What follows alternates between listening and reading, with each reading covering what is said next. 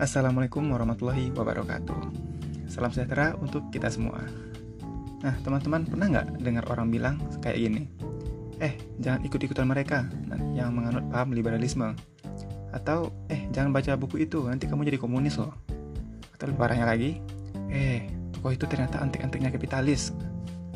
Nah, bahkan saya ya, seenggaknya teman-teman pernah dengar kalimat semacam itu, entah di sosial media, di sekolah, kampus, ataupun di organisasi yang sedang teman-teman ikuti.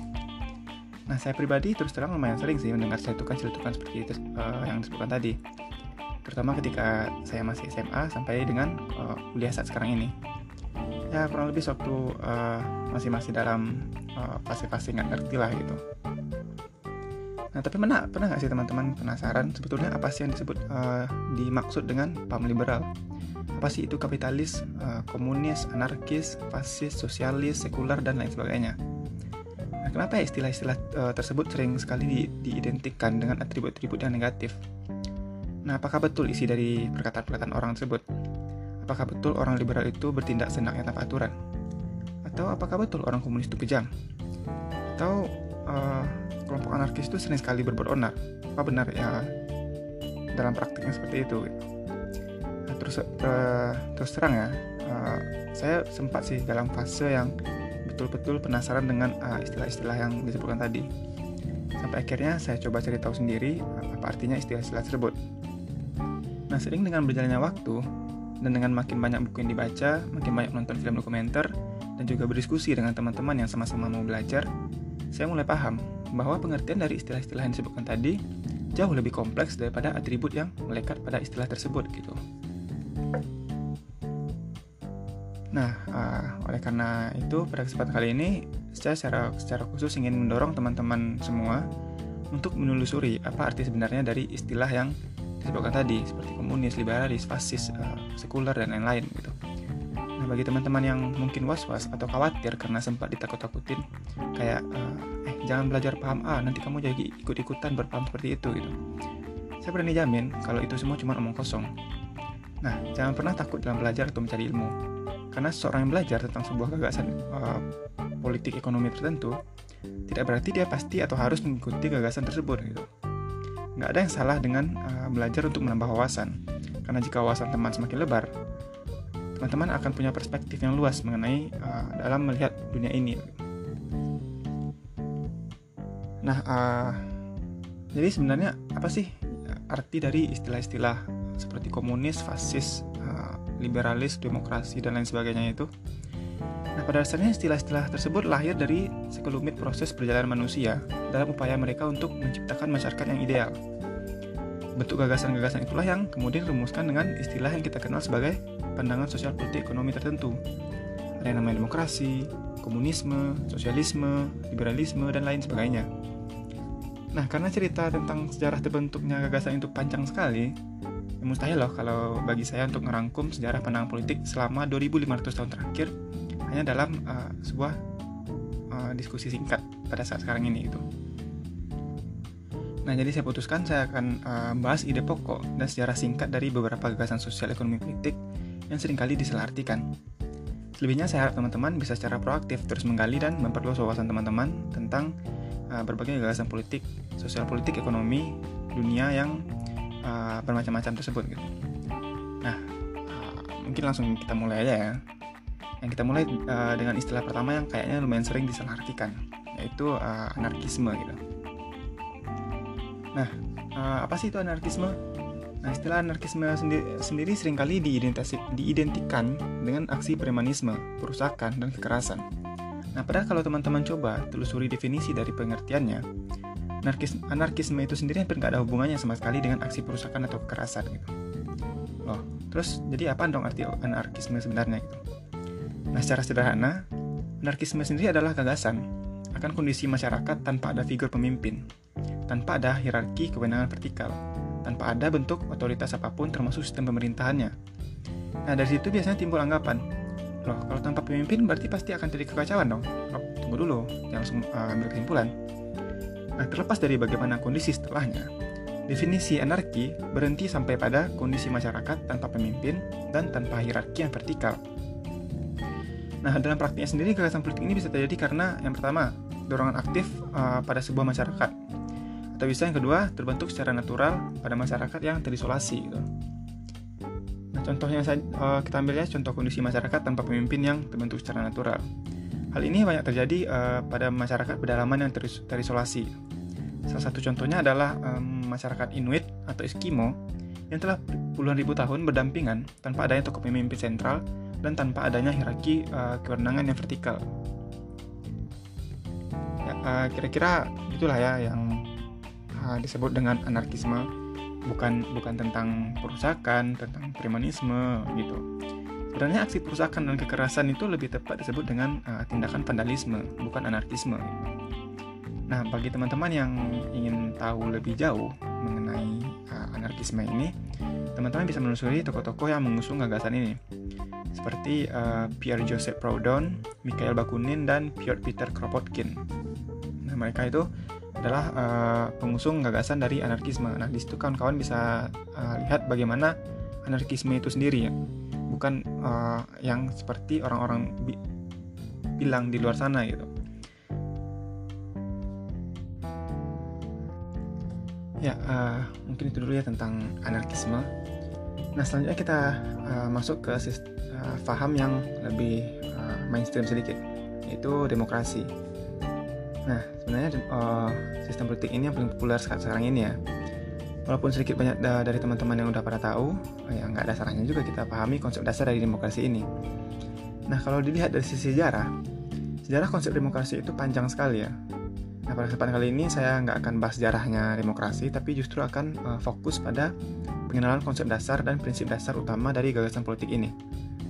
Nah, jadi kalau teman-teman uh, penasaran dengan sejarah demokrasi dari zaman Yunani kuno 508 sebelum Masehi sampai dengan demokrasi abad 21, nah, teman-teman bisa langsung uh, telusuri sendirilah di uh, internet itu kan banyak beredar tuh uh, sumber-sumbernya pun berbagai macam gitu.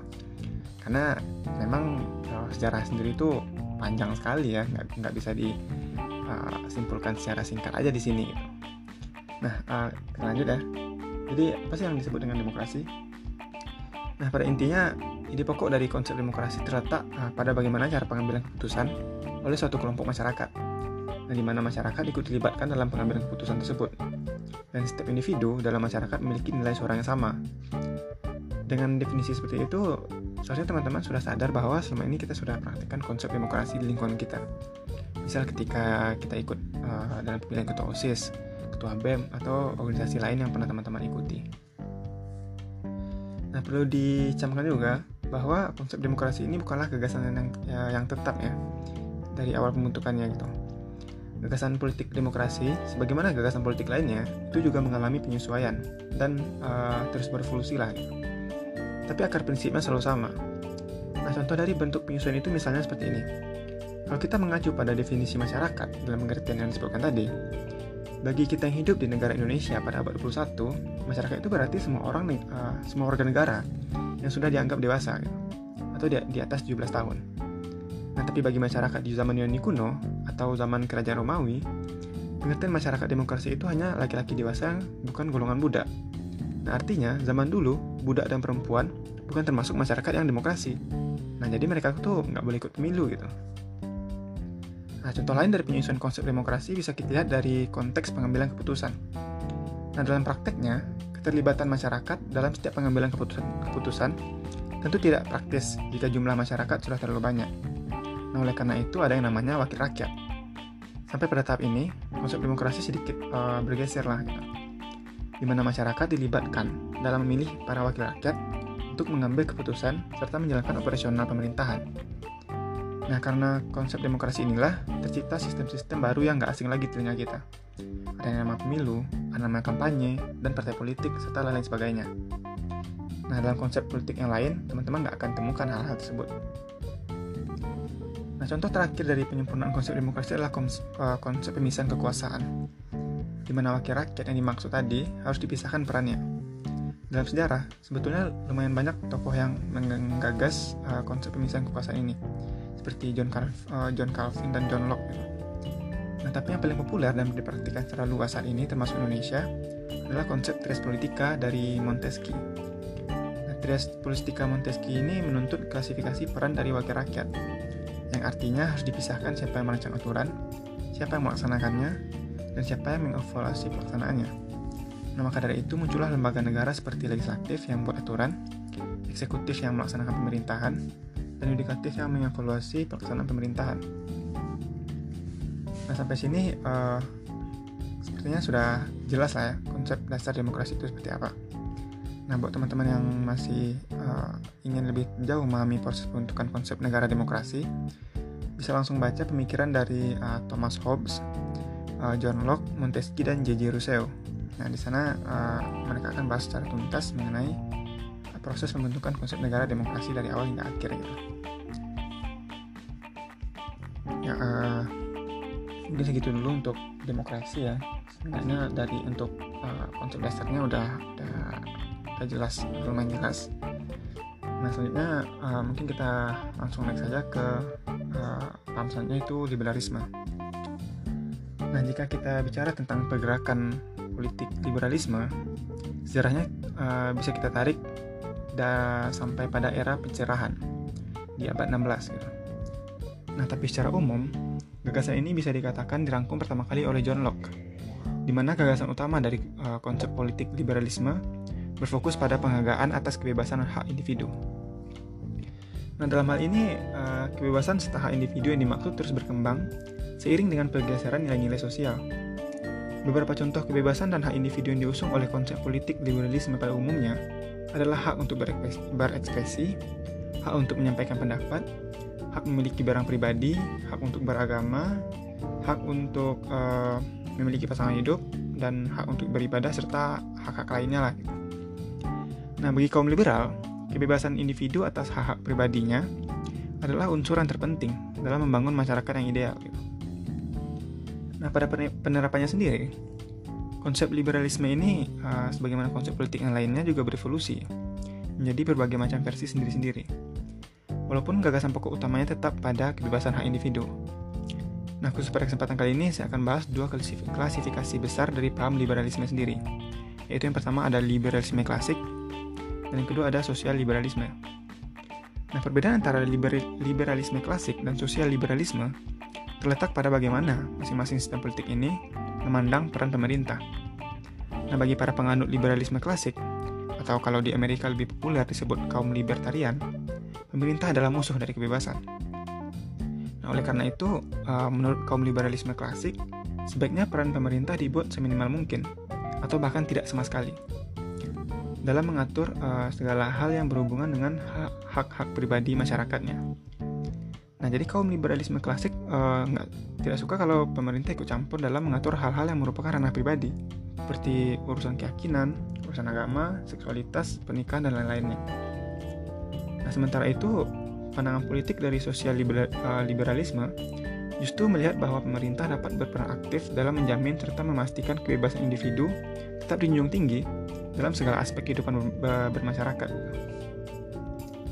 Nah, bagi kaum sosial liberalisme, pemerintah bertanggung jawab uh, serta berkewajiban dalam melindungi kebebasan serta hak-hak individu dari masyarakatnya. Nah, lebih jauh lagi, para penggagas awal konsep sosial liberalisme seperti T.H. Green, uh, Hobhouse, dan John uh, Hobson juga beranggapan bahwa kondisi ideal di mana hak-hak individu terjamin hanya dapat tercapai jika pemerintah mengambil peran aktif dalam mengupayakan keadilan sosial dan ekonomi dalam masyarakatnya. Nah, uh, dua itu tadi adalah uh, paham tentang apa ya uh, liberalisme gitu. Ada liberalisme klasik dan sosial liberalisme. Sebenarnya ada uh, klasifikasi lain sih, cuman dua itu adalah klasifikasi besarnya. Nah, uh, sampai sini uh, saya harap teman-teman udah ngerti akan konsep dasar dari liberalisme secara garis besarnya. nah, untuk memahami lebih lanjut konsep politik ini, uh, saya sarankan teman-teman baca karya pemikiran dari Thomas Jefferson, uh, Voltaire, serta John Stuart Mill. Nah, di sana mereka akan uh, kupas tuntas mengenai uh, paham politik uh, liberalisme begitu.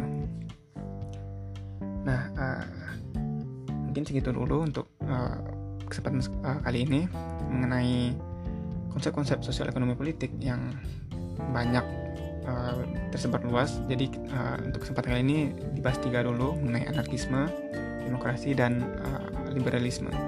Mungkin selanjutnya kita akan bahas tentang sekularisme, fasis, komunis dan uh, apa ya kapitalisme lah mungkin gitu. Nah, uh, mungkin segitu dulu dari saya. Uh, salam politik dan sampai jumpa.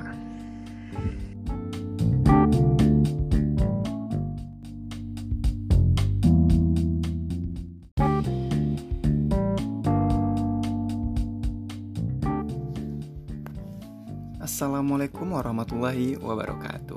Salam sejahtera untuk kita semua. Nah, pada episode yang lalu kita udah bahas mengenai beberapa sistem sosial ekonomi politik dunia yang uh, sering kali salah artikan, yakni ada uh, liberalisme, demokrasi, dan anarkisme. Nah, pada kesempatan kali ini uh, saya akan kembali membahas beberapa sistem sosial ekonomi politik yang masih sering disalahartikan begitu. Nah, langsung saja kita mulai. Yang pertama itu ada uh, sekularisme. Nah, uh, istilah sekularisme juga sering kali disalahartikan sebagai pandangan politik yang anti agama. Bahkan banyak juga yang menyamakan sekularisme itu dengan liberalisme. Nah, padahal itu semua anggapan yang keliru. Jadi yang betul sekularisme itu maksudnya apa gitu? Nah, sekularisme itu adalah suatu prinsip politik yang menegaskan bahwa sistem kenegaraan harus dipisahkan dengan agama Nah, jadi negara yang sekuler akan mengesampingkan aspek agama dalam penerapan ketatanegaraannya. Dari mulai pembuatan undang-undang, penegakan hukum, dan pelaksanaan kebijakan pemerintah. Dan lain-lain pun harus di, uh, netral dan tidak didasarkan pada ajaran agama mana pun. Lah, berarti negara yang sekuler itu pasti anti agama dong. Nah, ini yang sering sekali uh, disalahartikan oleh orang-orang begitu, yang menganggap sekularisme itu uh, adalah negara yang anti agama. Nah, uh, mari kita perhatikan sekali lagi. Definisi sekularisme berhenti pada pemisahan agama dari sistem pemerintahan.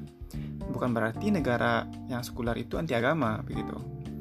Namun, dalam praktiknya, negara yang sekuler menegaskan bahwa agama itu adalah urusan pribadi dari masing-masing individu. Dalam artian, masyarakat boleh aja menganut uh, agama dan beribadah sesuai dengan keyakinannya masing-masing.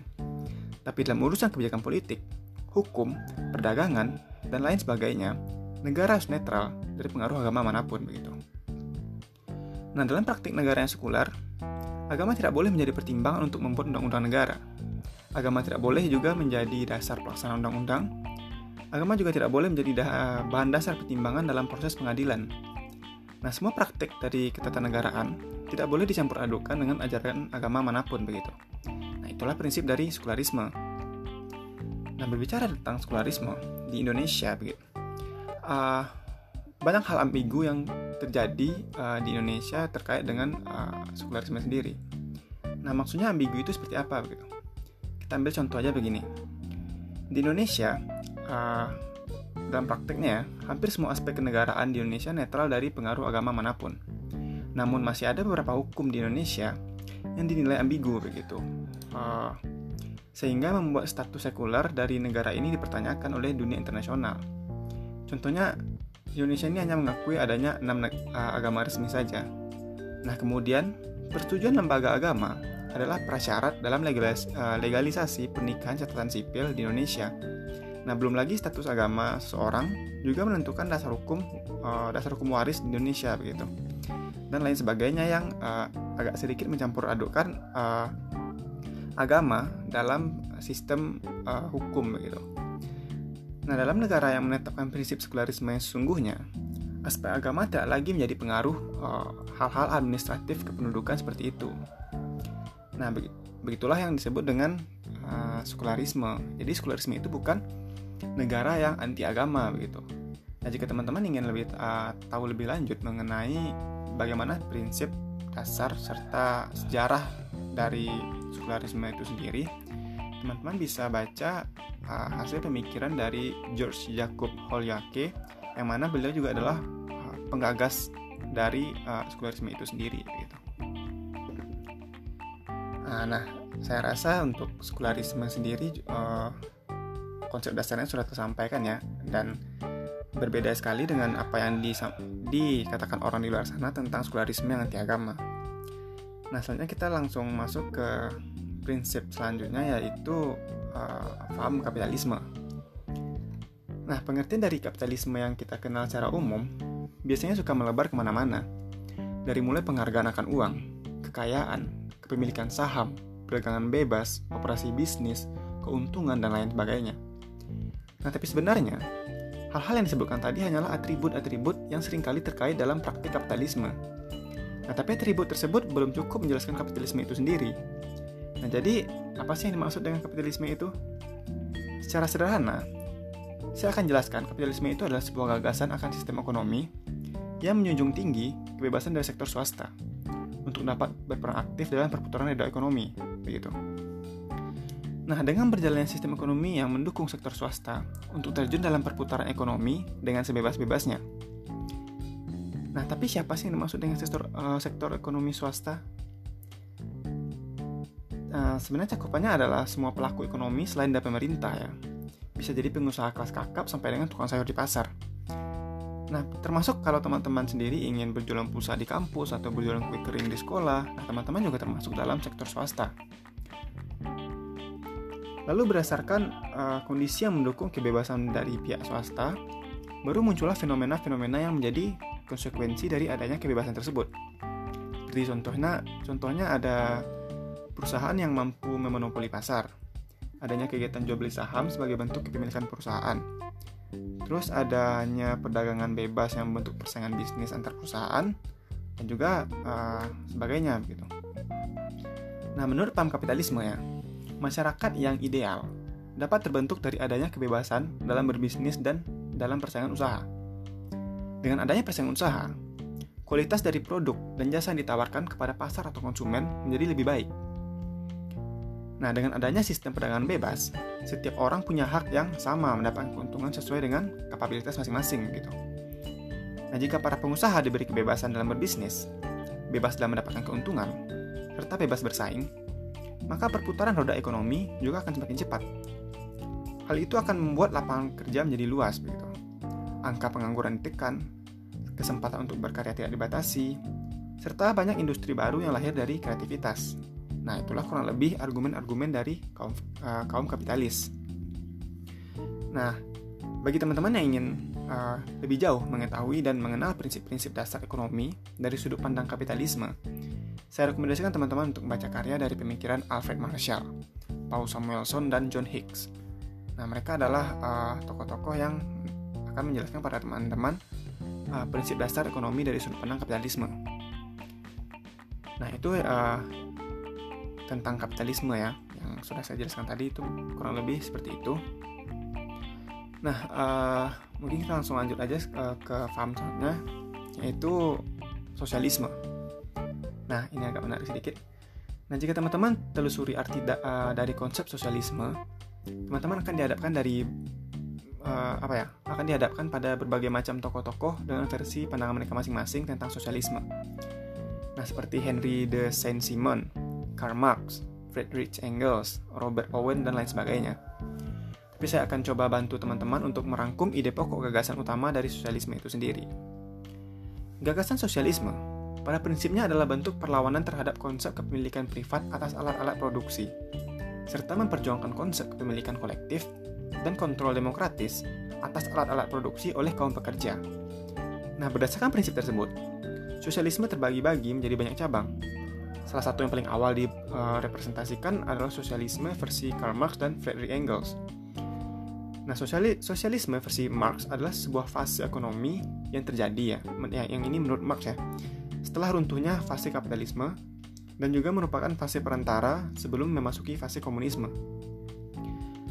Dan masih menurut Marx, sistem kapitalisme cepat atau lambat akan menghancurkan dirinya sendiri karena sistem tersebut membagi jurang kelas sosial semakin jauh dan secara timpang. Hanya menyalurkan kesejahteraan bagi kaum pemilik modal saja begitu. Nah, dengan semakin lebarnya kesenjangan sosial ini, Marx meramalkan bahwa satu saat kaum pekerja akan bersatu dan mengambil alih alat-alat produksi dari para pemilik modal untuk menciptakan sistem ekonomi politik yang baru bernama uh, sosialisme. Nah, pada fase sosialisme, para pekerja akan mengambil alih kepemilikan alat-alat produksi yang kemudian akan digunakan oleh pemerintah, yang mana sebagai eh, representasi dari kaum pekerja untuk memenuhi kebutuhan sosial secara merata. Nah, pada prakteknya, Gagasan sosialisme Marxis inilah yang menginspirasi pembentukan negara-negara yang kita kenal sebagai negara komunis, seperti Uni Soviet, Republik Rakyat Cina, Kuba, Vietnam, dan lain sebagainya. Nah, uh, satu hal yang perlu teman-teman garis bawahi adalah negara-negara yang kita kenal sebagai negara komunis seperti yang disebutkan tadi, secara definitif sebetulnya bukanlah negara komunis, melainkan adalah negara penganut sosialisme ala Marx yang bertujuan kelak mencapai fase komunisme gitu.